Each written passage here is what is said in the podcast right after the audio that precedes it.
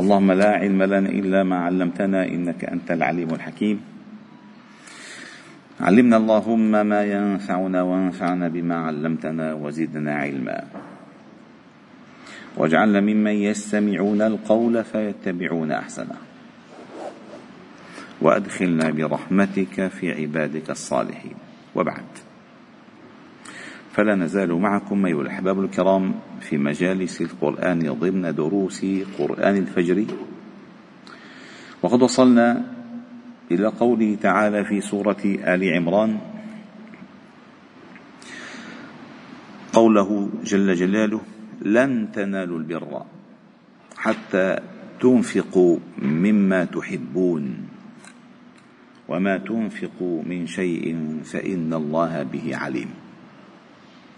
وقلنا أن هذه الآية للوهلة الأولى يظنها القارئ أنها خرجت عن السياق الذي كان من أول سورة آل عمران إلى هنا يتحدث عن أهل الكتاب. فلماذا الله جل جلاله توجه بالخطاب بهذه الصيغة العامة لن تنالوا البر حتى تنفقوا مما تحبون؟ وما من آية سبقت في سورة آل عمران عن الحث عن الحث على النفقة. ولكن هذه الآية من الأسرار الكبيرة التي فيها أن الإنسان يحتاج فعلا إلى تربية داخلية حقيقية لا يطلع لا يطلع على مدى غورها وعمقها إلا الله. لماذا؟ لأن هذه مما تحبون مما تحبون سبق ذكرها في سورة البقرة. وقلنا أن سورة البقرة وسورة آل عمران هما الزهروان الزهروان اللتان يأتيان يوم القيامة تحاجان عن صاحبهما. ولفظ صاحبهما يدل على المصاحبة المصاحبة الدائمة من قبل قارئ البقرة وقارئ عمران مصاحبة في النطق في اللفظ في الحفظ في المعنى في التدبر في التأمل. المصاحبة المصاحبة شيء يدل على الملازمة والمصاحبة شيء يدل على المجانسة. فإنه لا يصاحب الإنسان أو الإنسان إلا من يجانسه. لا خلقا إنما خلقا. قل لمن تصاحب أقل لك من أنت. والصاحب ساحب.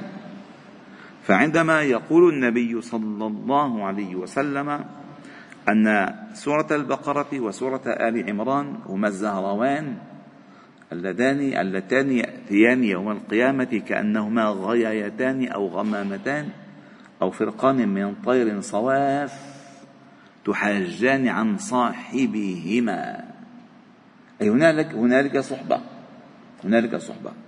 فإذا قرن هذه الآية في سورة آل عمران لن تنالوا البر حتى تنفقوا مما تحبون. ثم انتقلنا إلى سورة البقرة في قوله ليس البر.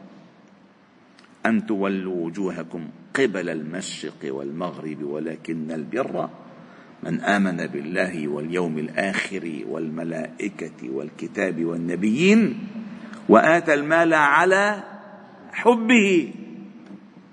لن تنالوا البر حتى تنفقوا مما تحبون. يعني الإنسان عندما يتعلق بشيء ينفق منه.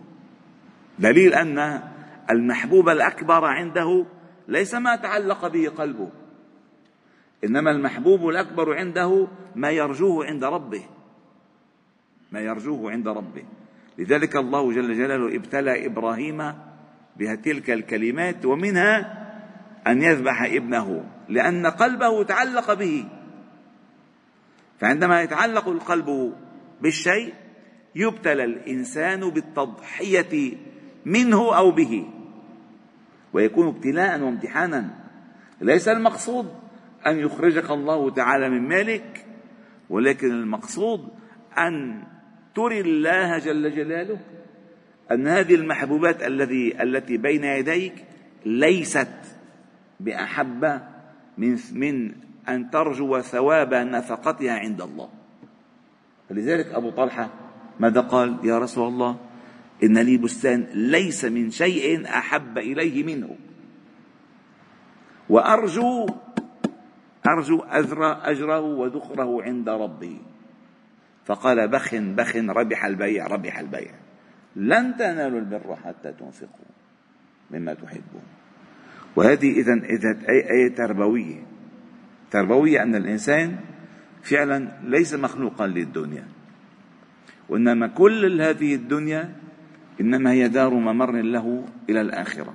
ليس يعني ذلك أن لا يحق له أن يتمتع في الدنيا بالعكس.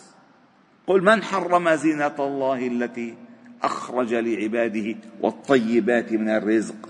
قل هي للذين آمنوا في الحياة الدنيا. خالصة يوم القيامة. لا يعني أن تترك ولكن أن تترك التعلق. لا أن تترك المباشرة فرق كبير. بين أن يتعلق قلبك بما في يديك وأن تستهلك ما ساقه الله تعالى إلى يديك. أن تستهلكه استهلاكا. لا أن يتعلق به قلبك. فمثلا رزقك الله مالا. وانبسطت فيه. ووجدت أحدا ما يحتاج إلى جزء منه. لا ما بتركه. ما بفق بحبه لا. هنا الامتحان. أن تنفق مما تحب. أن تنفق مما تتعلق مما يتعلق قلبك به. لذلك آه، كما مر معنا امبارح سعد بن الربيع عندما عبد الرحمن بن عوف أتى إلى المدينة أتى إلى المدينة مهاجرا. فأتى وقال أنا أخى الله آخر وسلم بينه وبينه. فقال هذا مالي خذ نصف مالي. خذ. هذه هاتان زوجتان. خذ أيهما أحب إليك. سبحان الله أو أحسنهما. ليش؟ ويؤثرون على أنفسهم. ولو كان بهم خصاصة. يحبون من هاجر إليهم. فإذا أحببت مثلا أتى إليك ضيف إلى بيتك. الأصل أن تضيفه من أحب الأمور إليك. ما بقول المرة هيك هل جبناهم امبارح الكرزات نضاف حطيهم على جنب. في أول امبارح شوي هيك جيبيهم لا ما هيك الأصل. الأصل أن يرى منك أحب شيء إليك. هيك الأصل. هذا على كل المستويات حتى أحب الكلمات ينبغي أن أن تلفظها. وقولوا للناس حسنا كل شيء محبوب إليك. القصد أن, يتع... أن يخرج تعلقه تعلق قلبك منه أو به. هذا الأصل. فكل الطعام الآية التي بعدها كل الطعام كان حلا لبني إسرائيل إلا ما حرم إسرائيل على نفسه. من قبل أن تنزل التوراة. قل فأتوا بالتوراة فاتلوها. إن كنتم صادقين فمن افترى على الله الكذب من بعد ذلك فأولئك هم الظالمون. ما مناسبة هذه الآية مع هذه الآية؟ ورد أن يعقوب عليه السلام الذي هو إسرائيل من أسماء يعقوب أنه إسرائيل أي أسر نفسه لله يعني نذر نفسه لله. أسر نفسه لله. إن هو أسير الإله إسرائيل إيل الإله. إسراء هو نفسه. فأسر نفسه خالصا بعبادته لله. فسمي إسرائيل. فلذلك ما بيجوز نلعن إسرائيل باللفظ. لأن إسرائيل هو يعقوب.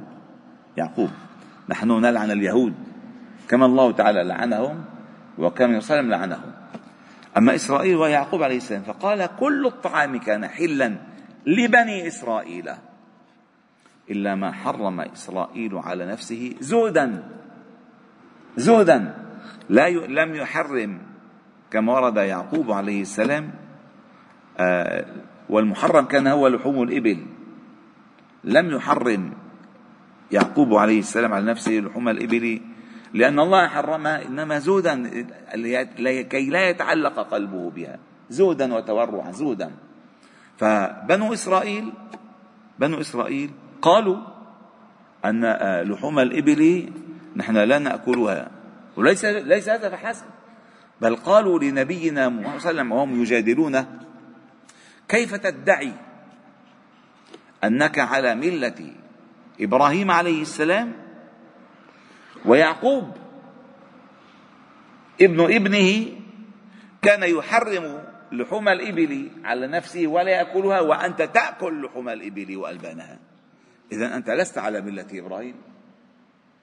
فأتت الآية واضحة في ذلك قال كل الطعام كان حلا لبني إسرائيل.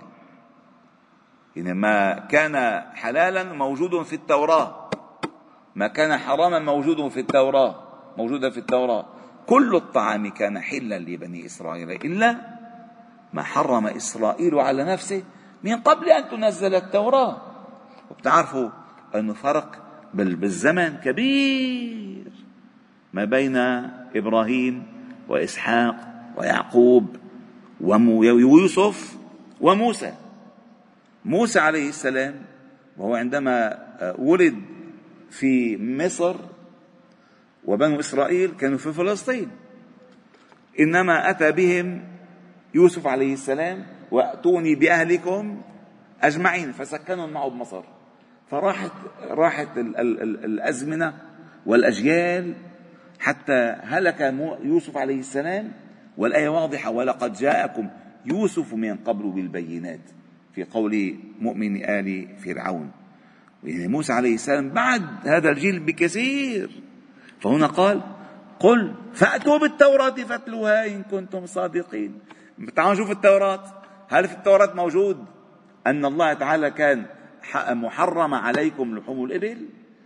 أم حرمت عليكم بعض الطيبات بظلم منكم فبظلم من الذين هادوا حرمنا عليهم طيبات أحلت لهم بصدهم عن سبيل الله كثيرا وأخذهم الربا وقد نهوا عنه.